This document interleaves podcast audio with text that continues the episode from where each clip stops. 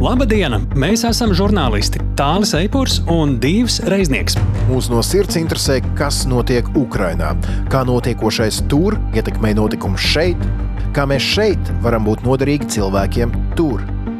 Lai labāk izprastu notiekošo, mēs dzenamies pakaļ personīgiem stāstiem, kas iemieso šo eksistenciālo cīņu. Mēs skaidrojam, ko globāla ziņu virsraksts nozīmē šeit, pie mums. Jo Ukraina cīnās ne tikai par savu brīvību. Ukraina šobrīd ir arī mūsu drošinātājs. Sveicināti, sveicināti 2023. gadā. Podkāstu drošinātājs pirmajā sērijā šajā sezonā, bet 14. epizode kopumā. Sveiks, tālu! Sveiks, Dīva! Sveiki, podkāstu drošinātājs klausītāji. Mums šī līdzīga kā gada pēdējā epizode būs arī kā gada pirmā epizode atšķirīga no tāda ierastā ritma.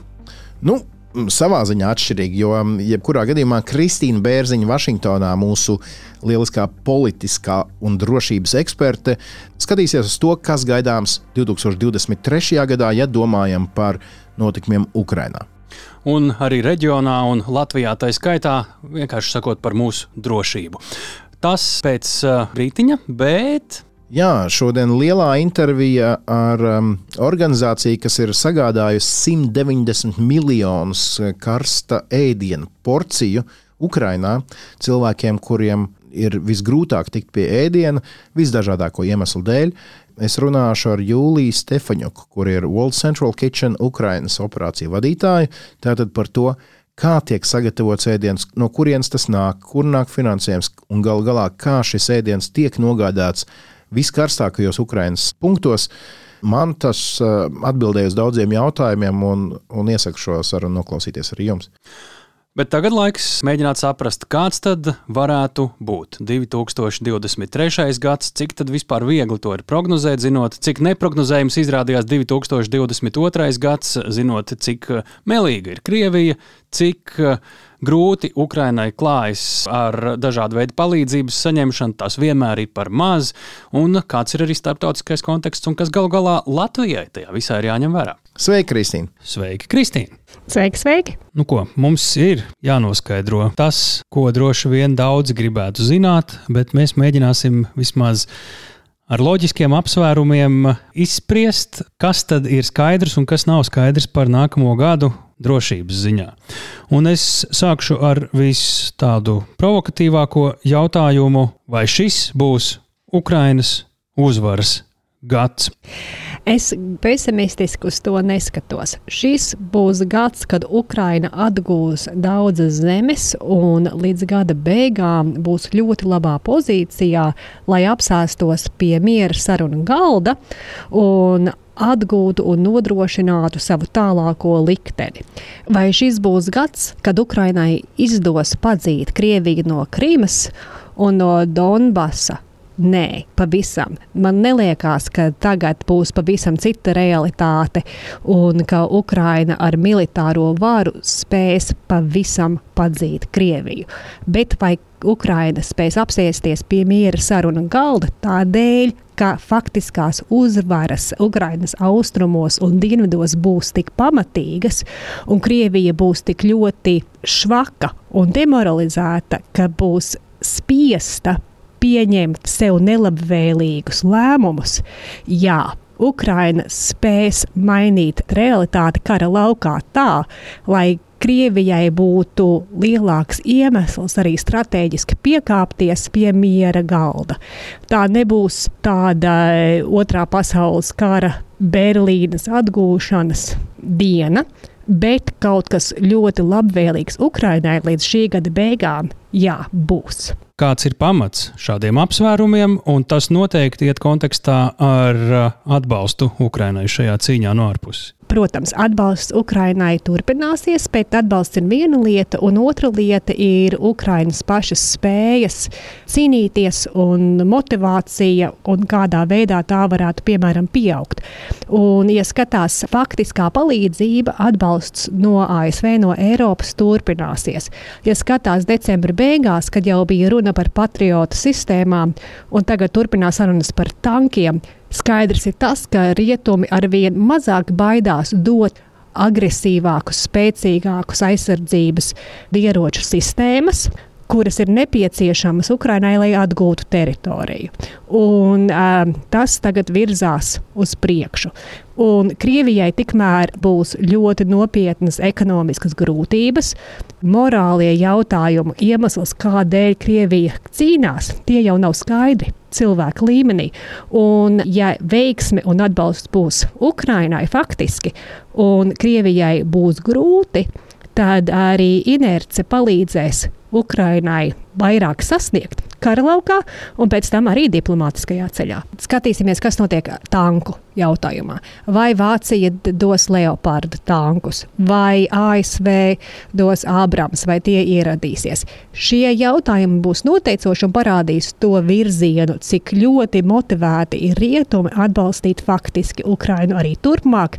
Nav jautājums tīri ASV kongresa līmenī, vai piešķirs vairāk naudu vai nē. Ļoti daudz naudu piešķir, tagad to naudu ir jāpārvērš ieroču sistēmās, tos ieročus ir jāpiegādā Ukrainai. Ja reiz par Krieviju. Jau no pavasara klausāmies, es te būšu tas skeptiskais gals. Krievijā drīz beigšoties dažāda veida bruņojums. Armija demoralizēta, iedzīvotāji neizturēs Putinu, sankcijas īsā laikā nokaus ekonomiku. Pavasarī mēs to dzirdējām un likās dažu mēnešu jautājums. Tikmēr redzam, vēl tagad raķetes lido, uzbrukumi lai arī nesekmīgi, bet neapsīkst. Sabiedrība vai nu klusē, vai ir aizbēgusi no Krievijas. Ekonomika nu, ar ļoti lielām grūtībām, bet kust. Šīs tomēr saka, ka Krievija varbūt pat ir sīvāks pretinieks nekā varbūt pavasarī vai vasaras sākumā varēja likties. Kā mēs varam realistiski prognozēt, kāda būs Krievija un vai tas, ko mēs varbūt cerējām ātrāk notiekam 2023. gadā, beidzot tiešām sāks gāzties viens pēc otra kā domino.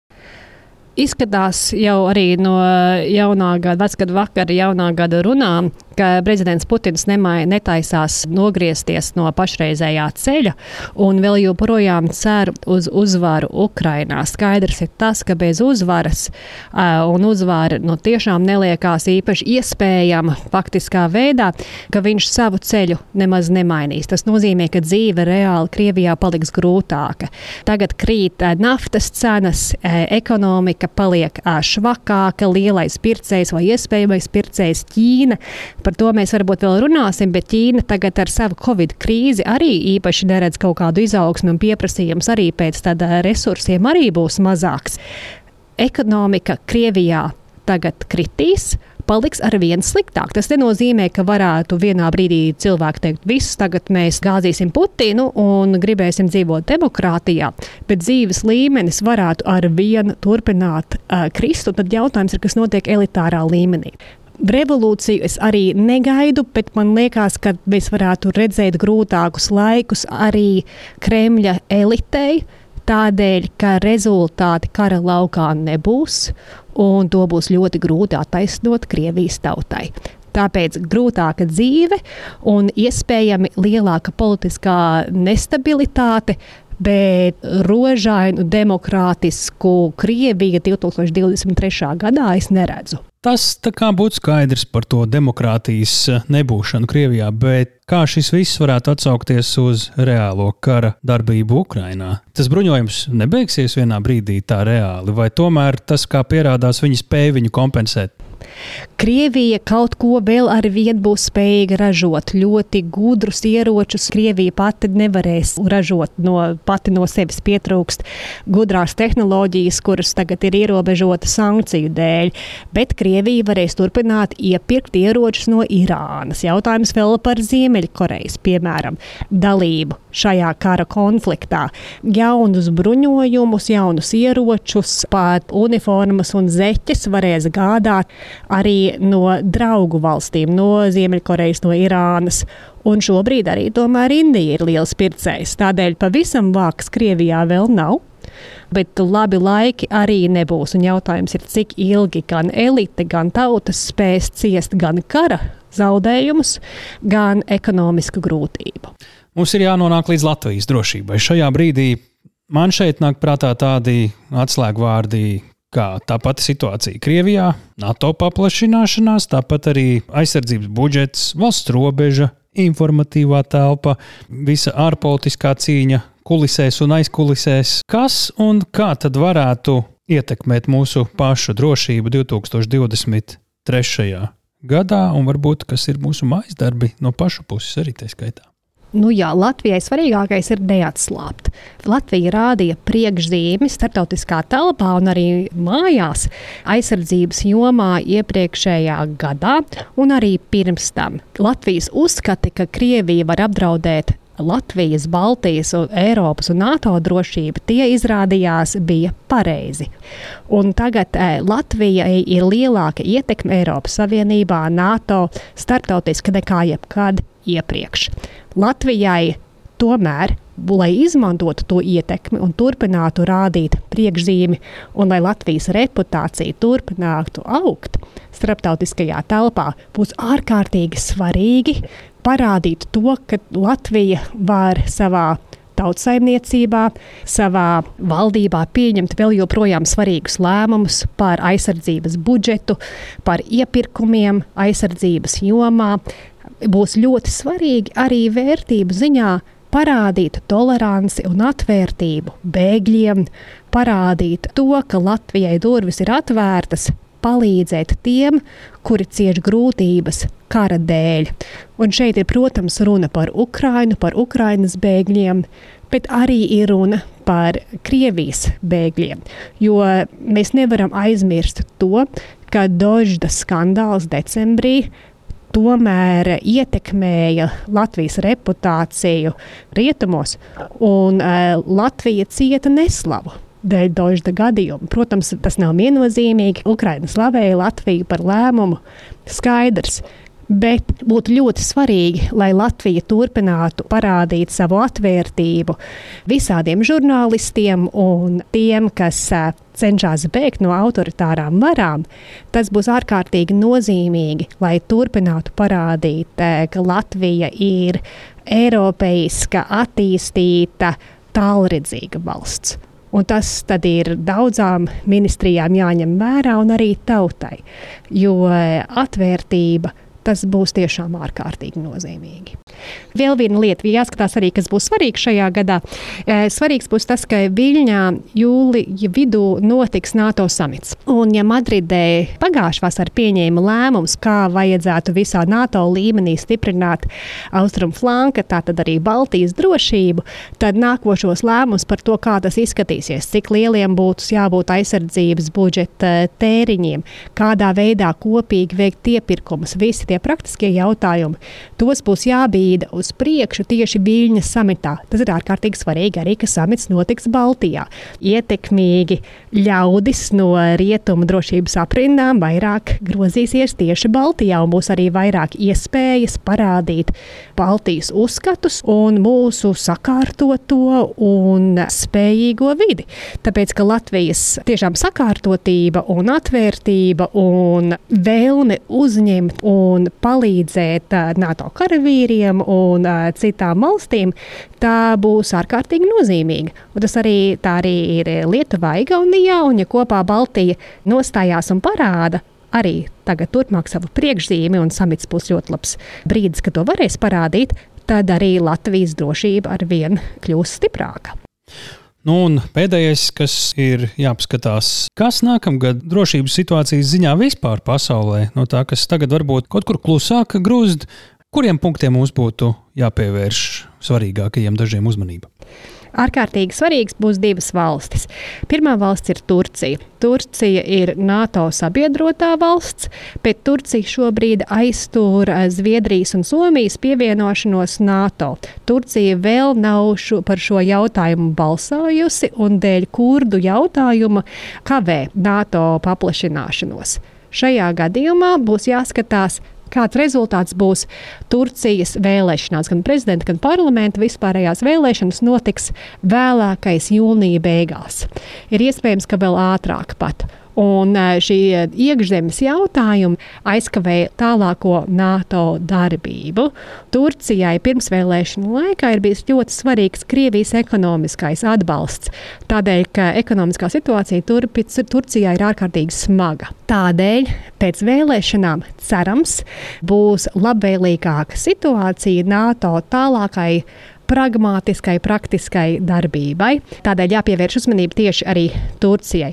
Otrs jautājums ir par Ķīnu. Ķīna ir vairāk vai mazāk atbalstījusi Krievijas kara darbību Ukrainā ne ar praktisku palīdzību, bet ar diplomātisko atbalstu, ņemot vērā to, ka Ķīna arī negrib ciest sankciju ietekmē. Un tagad skatīsimies, kā tālāk izvēršas jautājums par Ķīnu. Krievijai Ķīna ir nepieciešama kā a, valsts, kur pārdot resursus, no kuras iepirkt nepieciešamo tehnoloģiju. Bet jautājums ir par Ķīnas iekšējo stabilitāti, tāpēc ka Ķīnā tikai tagad sākās pirmais nopietnais Covid vilnis. Un, ja mēs skatīsimies par to, kādā veidā Eiropas ekonomika cieta pirmajos Covid viļņos, tad tas vēl Ķīnai viss ir tikai priekšā. Vai Ķīna tad būs labs ekonomiskais partneris eh, Krievijai? Maz ticams. Un otrs jautājums ir, kā Ķīna uzvedīsies tad, kad ekonomika klibo. Un kādā veidā tas ietekmēs Ķīnas ārpolitikas prioritātes? Jo Krievija, nu jā, labi, tas ir kaut kas, bet lielākā prioritāte Ķīnai tomēr ir Taivāna. Un e, visu laiku ir bijis jautājums par to, ko Ķīna mācās no Krievijas uzbrukuma Ukrajinā attiecībā uz savām ambīcijām kaut kad nākotnē ieņemt Taivānu vai sliktie ekonomiskie laiki pātrinātu vai palēninātu to procesu. Par to ļoti daudzi domā Vašingtonā un Briselē. Un tad būs jāskatās, kā attīstās tā situācija. Tā ir stipri neparedzējama. Nu, ko, Kristīna, esam pārskrējuši pa diagonāli 2023. gadam. Es ceru, ka pesimistiskākās prognozes nepiepildīsies un optimistiskākās eh, izrādīsies loģiskas un pareizas. Jā, cerēsim uz daudz labāku 2023. gadu. Paldies! Tev. Paldies!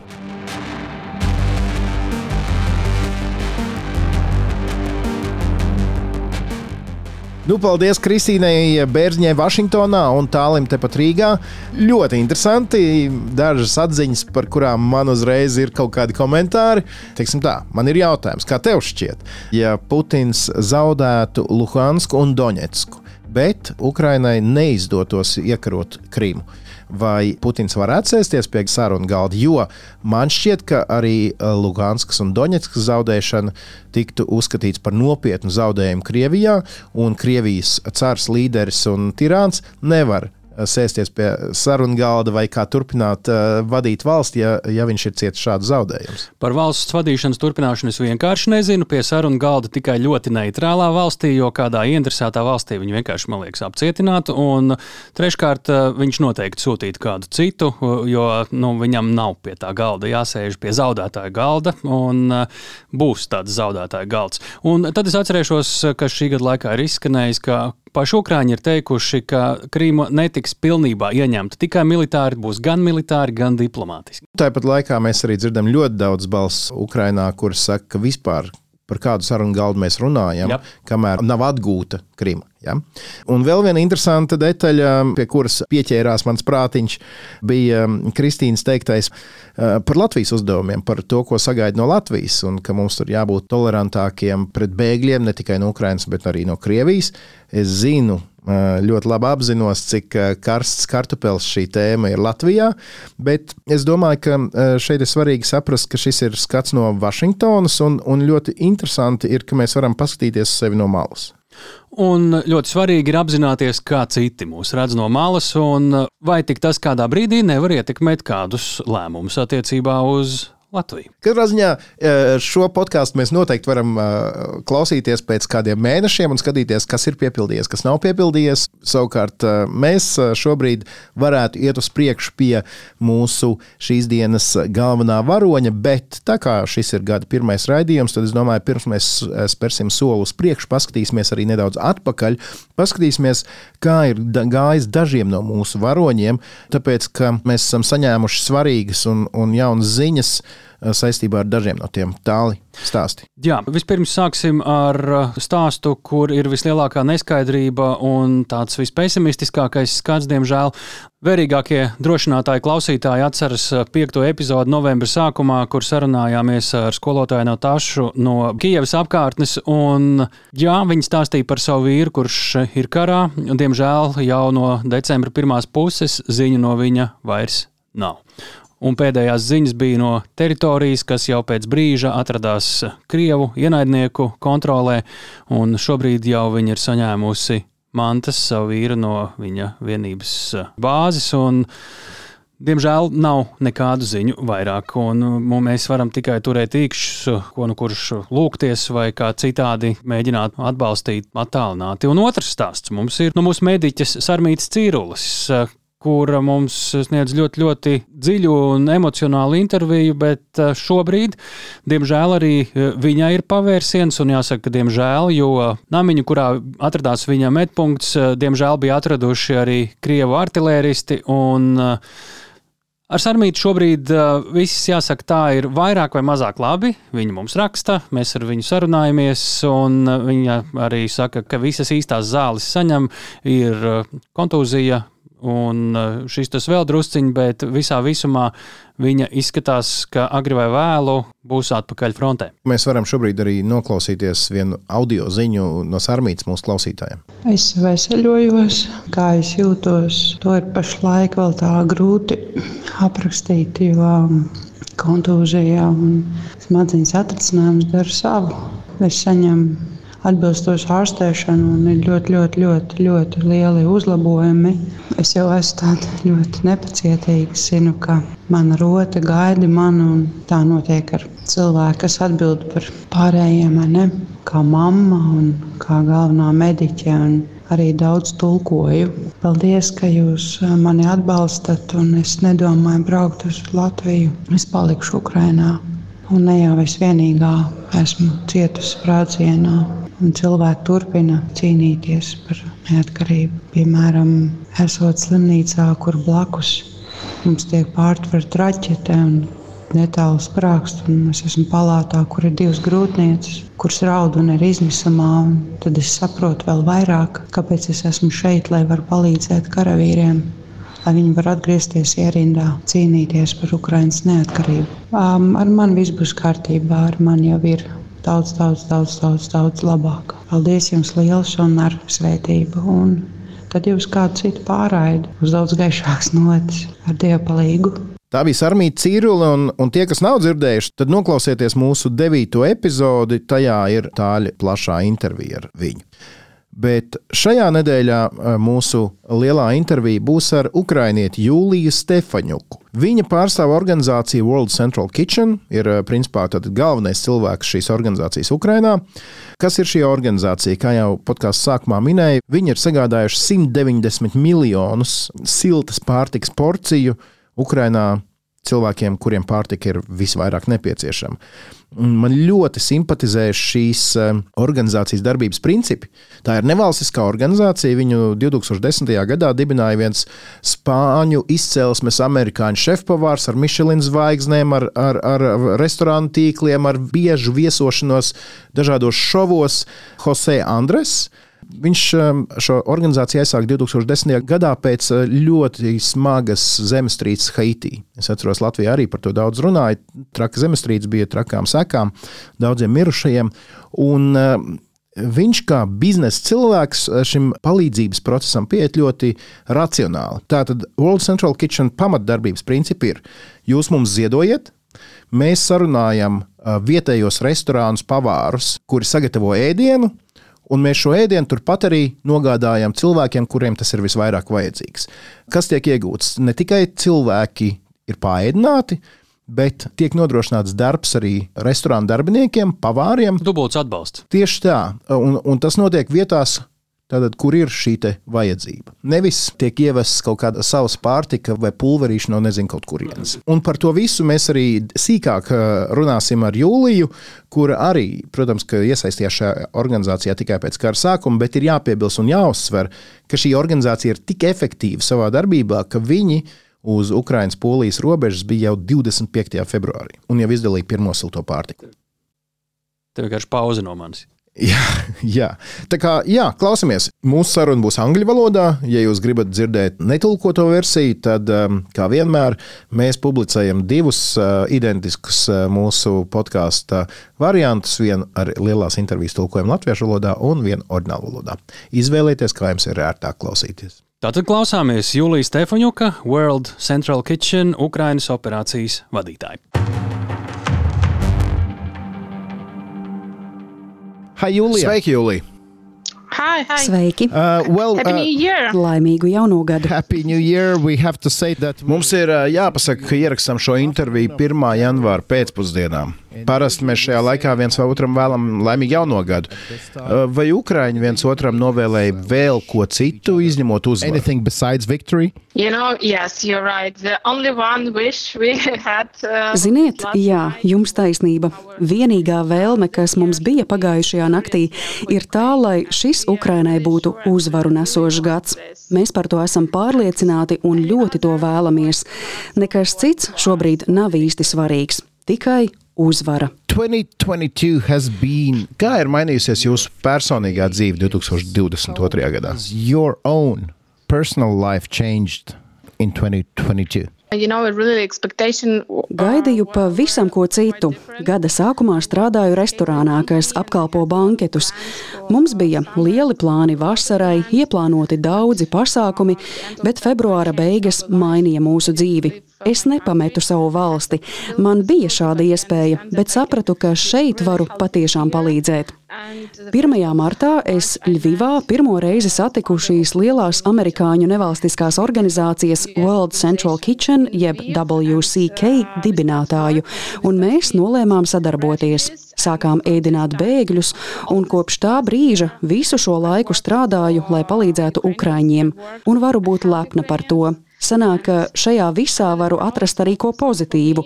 Tagad jūtos daudz vairāk vajadzīga savai valstī. Now I'm uh, feel more needed for my country. What does Nu, tad izstāstiet saviem vārdiem, ko World Central Kitchen dara un uh, kas tā ir kopumā par organizāciju. Little Kitchen is USA organization. World Central Kitchen ir ASV bāzēta nevalstiskā organizācija, kas dibināta pirms 12 gadiem.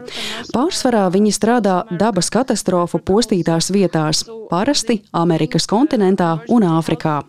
Viņi ir kā pirmās palīdzības sniedzēji tieši pārtikas nodrošināšanā.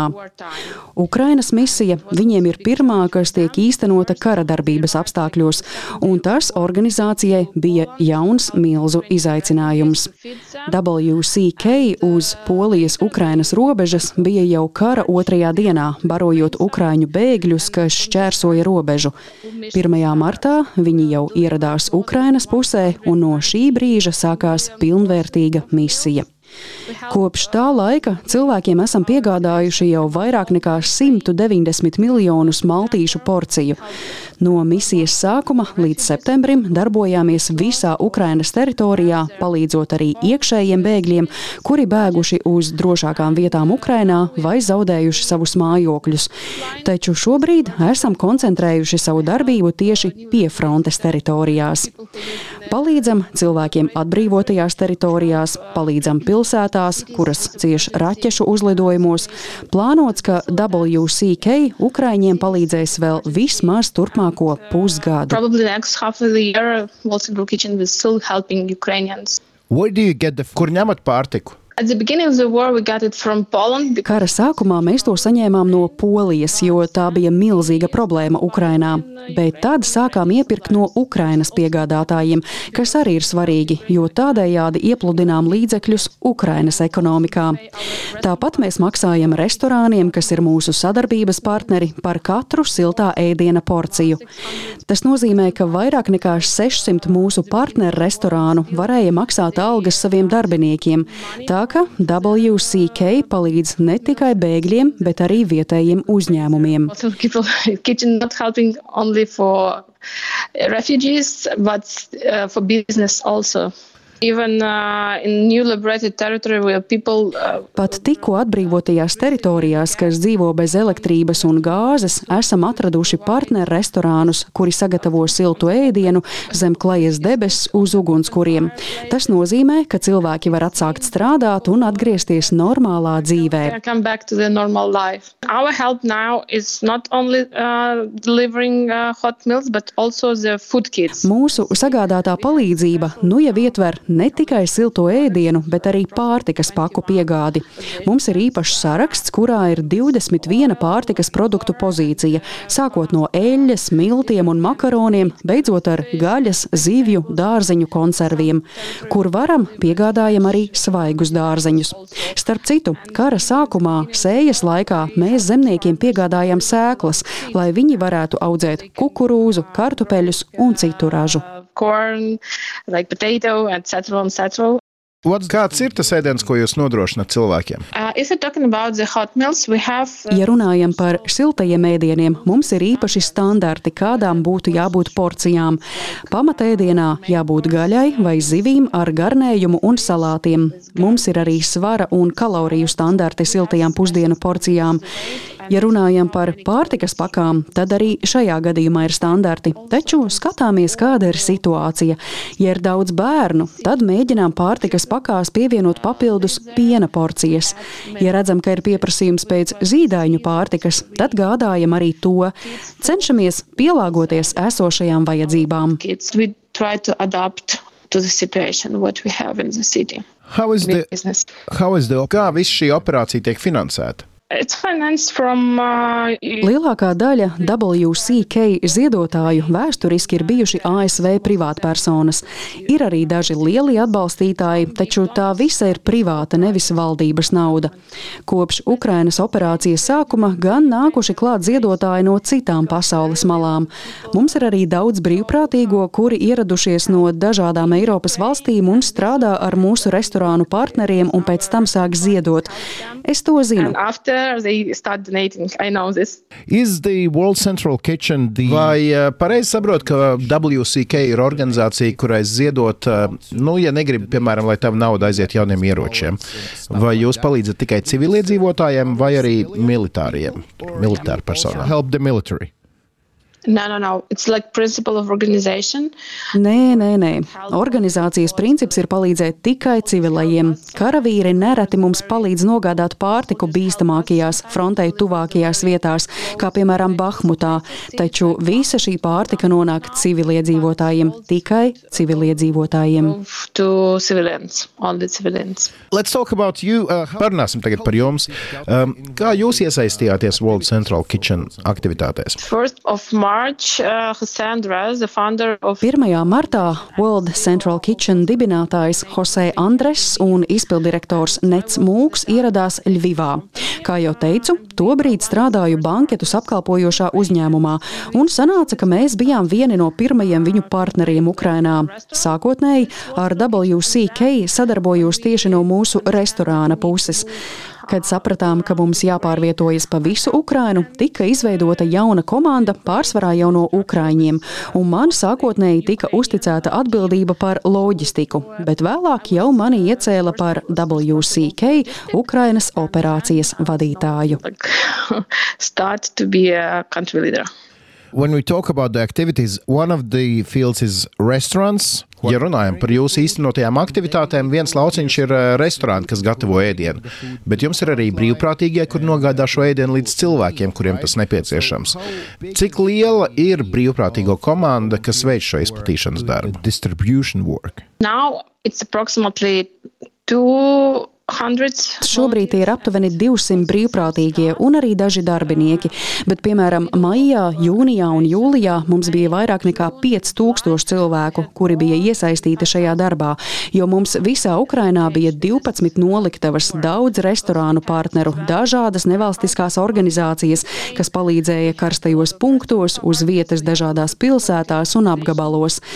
Taču šobrīd, kad esam koncentrējušies tieši uz ārkārtas reaģēšanas misiju, mēs samazinājām noliktavu un partneru skaitu, jo šobrīd visas pūles veltām karstākajiem punktiem frontes tuvumā - Harkivas, Doņetskas, Luhanskas, Zaporīžas, Nikolājevas un Hersonas apgabalos. Close to the front line because uh, originally One Little Kitchen is emergency organization. Jo galu galā WCK pamatmisija ir palīdzēt pēkšņās ārkārtas situācijās, un parasti tik ilgi vienā valstī tā neoperē. Tā ka šobrīd mūsu komandas kodols ir 200 cilvēki un vēl arī vietējie voluntieri Krematorskā, Krivīrihā, Nikolājivā, Harkivā, kuri mums palīdz izplatīt ēdienu, it īpaši pārtikas pakas atbrīvotajās teritorijās - Kupjanskā, Limanā, Svetohirskā. Nu pat mums bija ēdiena piegāde arī uz Bahmutu. Šobrīd viens no karstākajiem punktiem mūsu darbībā ir arī Hersona, jo pēdējās divas nedēļas tā piedzīvo masīvas apšaudes. Labi apzināmies, ka visvairāk esam vajadzīgi cilvēkiem tieši tur. Yeah, that's uh, what I wanted to ask. How, how you Tieši to es gribēju jautāt. Kā jūs izlēmjat, kurp doties, kam palīdzēt? Uh, really this, this Mēs esam tiešām tuvu šai teritorijai, kurā nav elektrības, gāzes un ūdens, jo starp citu mēs tur palīdzam arī ar dzeramo ūdeni. Šobrīd Hersona un tās apkārtne ir mūsu galvenā prioritāte. Tāpat gatavojamies Zaporīžas reģiona atbrīvošanai. Jau esam izveidojuši komandu, kas tur sāks darbu tik līdz tas būs iespējams. Mēs esam ļoti elastīgi. Piemēram, svaigi atgūtā teritorijā mēs esam gatavi piegādāt ēdienu jau nākamajā dienā pēc atbrīvošanas. Tad, kad redzam, ka arī citas organizācijas sāk tur parādīties, mēs samazinām pārtikas komplektu apjomu tur un fokusējam uzmanību jau uz citām vietām, mazākiem vai lielākiem ciemiem, kur cita palīdzība vēl nav nonākusi. Tāpēc monitorējam situāciju katru dienu. Piemēram, Limana vēl aizvien ir karstais punkts, lai arī tur esam jau trīs mēnešus. Tomēr mēs redzam, ka cilvēkiem tur dzīvot bez ūdens un elektrības ir ļoti grūti. Un mēs saprotam, ka vēl nevaram šo vietu pamest. Tāpēc mums ir svarīgi saprast situāciju uz vietas. Kādi produkti viņiem pieejami, vai ir citas organizācijas, kas piegādā pārtiku, vai esam vienīgie. Mēs varam mainīt savu stratēģiju katru nedēļu. Mēs esam patiešām elastīgi, jo WCK ir organizācija, kas radīta ārkārtas situācijām. Tāpēc visa sistēma ir balstīta uz šo ideju būt pirmajam un palīdzēt pirmajam. So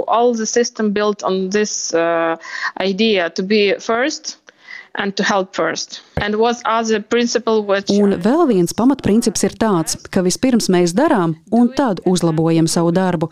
Mēs negaidām vairākas nedēļas, neražojam dokumentus.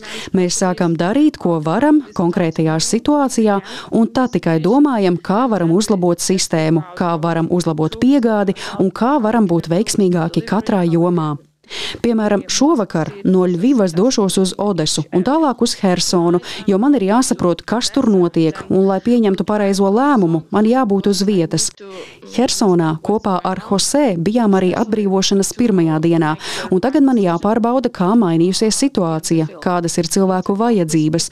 Man jārunā ar viņiem, un pat ja šobrīd varbūt it kā viss ir kārtībā, jāatceras, ka šis ir karš, un pēc dienas vai divām situācija atkal var pasliktināties. Kā zināt, Hersona ikdienu tiek apšaudīta ar raķetēm un ir ļoti grūti izveidot kaut kādu stabilu palīdzības mehānismu, kādus esam izveidojuši citās pilsētās, jo tur vienkārši ir ļoti bīstami. Daudzi cilvēki cenšas pamest pilsētu, tāpēc man ir jābrauc uz turieni, jāpaliek ilgāku brīdi un jāredz viss pašai. Tāpat, nu pat biju arī Doņetskas rajona Bahmutā, lai saprastu situāciju un pieņemtu pareizākos lēmumus and to be more successful in my decision.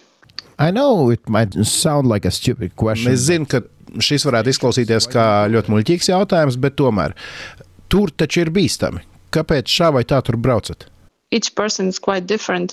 Katrs cilvēks ir citādāks. Es nepametu valsti no kara sākuma, un tas arī bija bīstami. Es pieņēmu lēmumu palīdzēt Ukraiņiem. Labi, es visu laiku nedodos uz fronti, kur ir patiesi bīstami, bet tāpat nākas būt šādās vietās. Nākas izmantot ķīveri un bruņu vesti, taču šādi varu palīdzēt. Tas ir mans lēmums strādāt tieši šādi. Mani arī iedvesmoja Jose piemērs. Viņš nebaidās, un es arī inspire me. he doesn't How? afraid, and me too. Uh, it means uh, his example. How Tas, kā viņš strādā, tas, kā viņš apmeklē frontes līniju, atbrīvotās teritorijas, mēs vienmēr dodamies līdzi viņam, un tāpat dara arī WCK amerikāņu komanda. the same. One thing is you cannot really predict where the next bomb is gonna fall. Jūs nevarat īsti paredzēt, kur nokritīs nākamā bumba, tāpēc droši vien vienkārši jāļaujas. Bet, uh, kad dodaties uz tikko atbrīvotajām teritorijām, jūs redzat to, kas tur ir iznīcināts, dzirdat vietējo iedzīvotāju stāstus. Cik tas kopumā viss psiholoģiski grūti ir? Vai esat tam gatavi, vai brīvprātīgi ir tam gatavi? You know, these 10 months make us new normality. Šie desmit mēneši to padarījuši jau par jauno ikdienu. Mēs saprotam, ka kara laikā pārkāpt pāri savām sajūtām nav vienkārši, tomēr mēs kļūstam ar vien stiprāki. Es esmu studējusi socioloģiju, un man ir arī zināma psiholoģijas pieredze. Es zinu, kā pasargāt sevi un palīdzēt savai komandai tikt galā ar šīm emocijām. Un brīvprātīgie, kuri strādā ar mums, ir vietējie cilvēki, kuri nav atstājuši savu pilsētu. Tātad arī viņi ir gatavi dzīvot šādos apstākļos. Bet jāsaka, ka atslēgties man ļoti palīdz peldbaseins. Mēģinu rast iespēju peldēt, kad atgriežos mājās. After areas, to uh, ref, re, re, reflect on this. What are the conditions? Kādos apstākļos cilvēki dzīvo okupācijas laikā? Nu, ko jūs redzat, dodoties uz atbrīvotajām teritorijām? Ko dzirdat no vietējiem par uh, viņu dzīvi okupācijās? You know, I can really easily explain it because probably most of uh, post-Soviet countries know. Ziniet, es to tiešām varu izskaidrot visai vienkārši, jo iespējams lielākā daļa postpadomju valstu zina un atceras par Otro pasaules karu. Mani vecvecāki stāstīja par dzīvi tajos laikos. No cilvēkiem atbrīvotajās teritorijās dzirdam tieši tādus pašus stāstus. Tas notika pirms 70 gadiem, bet nu atkārtojas. Daudzi cilvēki, it īpaši tie, kuri iestājas par Ukrainu, tika nogalināti, ieslodzīti. Daudzi dzīvoja patvērtnēs.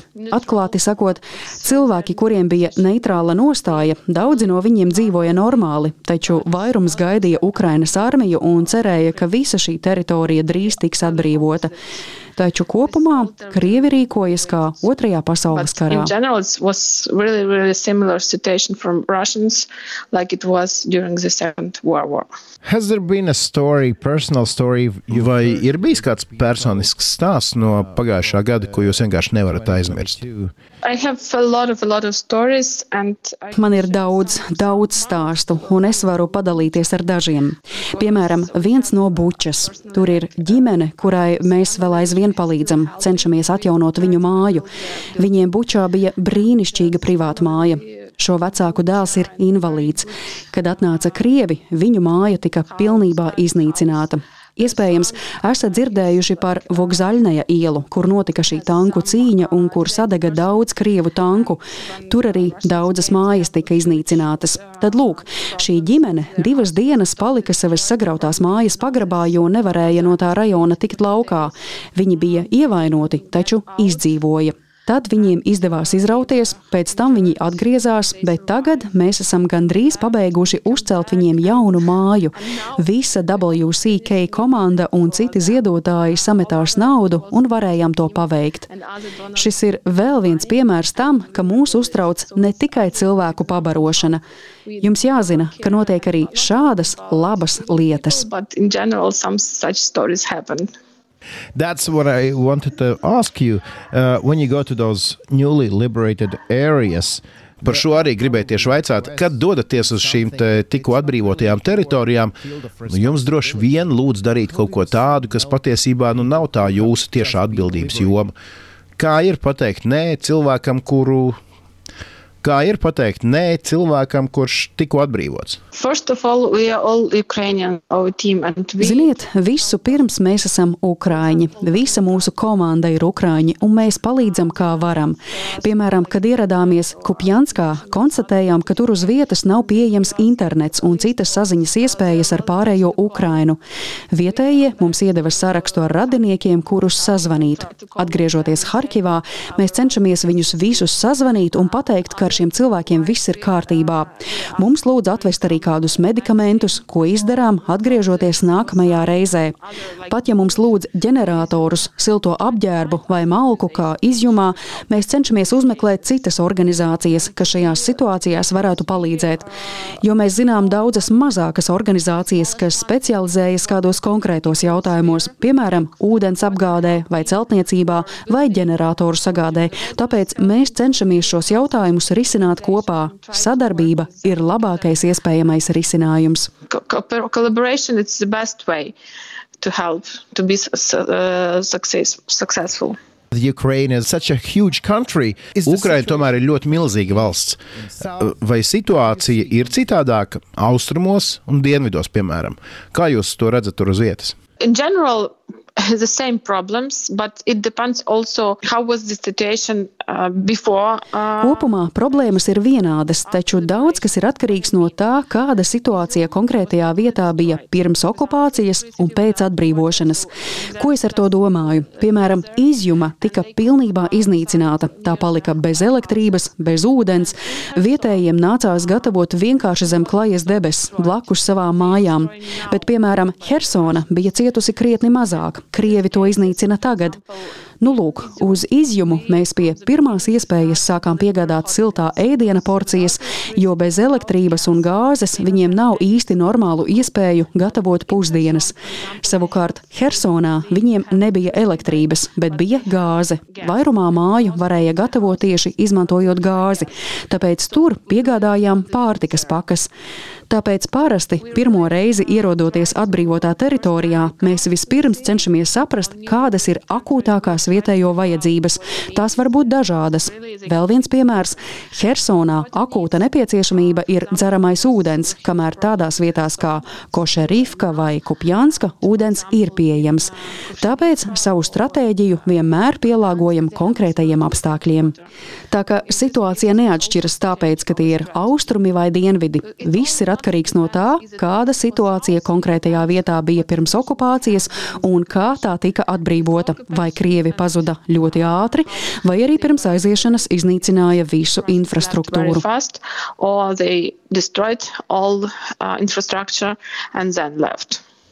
Been... Ir bijušas pilsētas, mazpilsētas, kuros cilvēkiem okupācijas laikā nācies ciest badu. You know, it's Ziniet, tas atkarīgs no pilsētas. Diezgan grūti izskaidrot. Tas man ir pārāk smags jautājums. Jūlija, ar jūsu atļauju, tad eh, šobrīd atskaņošu divas pavisam īsas ierakstīņas no cilvēkiem Kurļivkas pilsētiņā, netālu no frontes līnijas, kur um, jūs brīvprātīgie šobrīd ir vienīgie, kas piegādā jebkādu ēdienu. Nav gaismas, siltuma, nekā nav un šādos apstākļos dzīvojam. Paldies Dievam, vismaz gāze ir. Paldies šiem brīvprātīgajiem, kuri šurbrauc neskatoties ne uz ko. Viņi mums atveda ēdienu, jo mums pašiem nekā vairs nav ne mašīnas, ne aptiekas, ne medmāsas. Neviens cits mums ēdienu nav vedis jau 110 dienas. Kā cilvēks var izdzīvot šādos apstākļos? I've seen on uh, Instagram page of World Central Kitchen. Esmu redzējis World Central Kitchen Instagram lapā, ka esat tikusies arī ar prezidentu Zelenski, kurš pateicās par jūsu pūlēm. Kāds bija viņa vēstījums jums un jūsu organizācijai? Mēs ar viņu tikāmies divas reizes. Vispirms tas bija augusta sākumā. Prezidents aicināja mūs nepamest Ukrainu un strādāt, lai palīdzētu skarbajos ziemas apstākļos. Otrajā reizē Jose saņēma pateicības ordeni ordeni par nopelniem Ukrainas un Ukrāņu labā. Prezidents teica, ka WCK ir organizācija, kas sniedz iespējams konkrētāko palīdzību Ukrainā. To bija ļoti patīkami dzirdēt, un tas mūs noteikti motivē darīt vēl vairāk. Šī tikšanās atstāja iespaidu uz Jose, kurš pēc tam pieņēma lēmumu, ka WCK paliks Ukrainā līdz pavasara beigām. Have you found your new... Var teikt, ka esat atradusi savu jauno dzīves mērķi? Es biju ļoti pārsteigta, cik daudz spēka man ir, cik smagi varu strādāt. Un es saprotu, ka visa šī iekšējā motivācija nāk no mana ukraiņu gara, no idejas, ka visiem ukraiņiem ir jādara kaut kas tāds, kas palīdzētu citiem ukraiņiem. Vai nu tā būtu cilvēku pabarošana, medikamentu sagāde vai cīnīšanās frontē kā kareivim. Es apzinos, ka nedrīkstam padoties, un tas mani ļoti motivē. Iespējams, visa šī palīdzība ātrāk atvedīs mūs līdz uzvarai. Kā Latvijas, kur kā latvieši varētu palīdzēt? Uh, you know, Mēs esam ļoti pateicīgi par visiem partneriem, jo bez tādiem partneriem kā Latvija, Lietuva, Polija, ASV, Kanāda mēs pilnīgi noteikti nevarētu izdzīvot un būt tik sekmīgi. Kā latvieši var palīdzēt? Palieciet kopā ar Ukrainu, parādiet savu attieksmi Krieviem, jo zinu, ka Latvijā dzīvo daudz Krievu, Es nevaru teikt, ka palīdzībai noteikti jābūt naudas izteiksmē. Noderīga ir jebkāda palīdzība, siltās drēbes, pārtika, arī informācijas izplatīšana pa visu pasauli. Tas palīdzētu. So, Tātad, uh, kur jūs dodaties rīt, šodien? Tonight, tonight I'm going to Odessa, and from Odessa I will drive to Kherson. Šovakar es braukšu uz Odesu un pēc tam uz Hersonu un tās apkārtni, uz dažiem iznīcinātiem ciemiem, lai novērtētu situāciju un saprastu, kas viņiem vajadzīgs tieši šobrīd un kā varam būt vēl vairāk noderīgi. Hersonā mēs gribam atvērt savu sociālo virtuvi, tāpēc man jāsaprot, vai tas būtu gana droši un kurā vietā to varētu darīt. Right. Our... Mēs parasti beidzam interviju ar vienu jautājumu. Ko jums personīgi novēlēt? Uh, Man svarīgi ir zināt, ka es neesmu viena, ka visa pasaule ir ar mani un manu komandu. Tas ir ļoti svarīgi.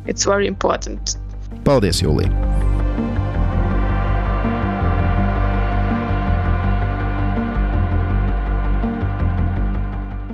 Paldies, Dīva! Paldies arī Jūlijai! Man šķiet, šī saruna ļoti svarīga, tāpēc ka tā rada sajūtu, ka Ukraiņi nav vieni visos veidos šī sajūta ir ļoti, ļoti svarīga. Tas atbalsts, kā izskatās, un izpratne par to, ka tas atbalsts ir vajadzīgs, nav tikai šeit, Latvijā, Polijā, Lietuvā.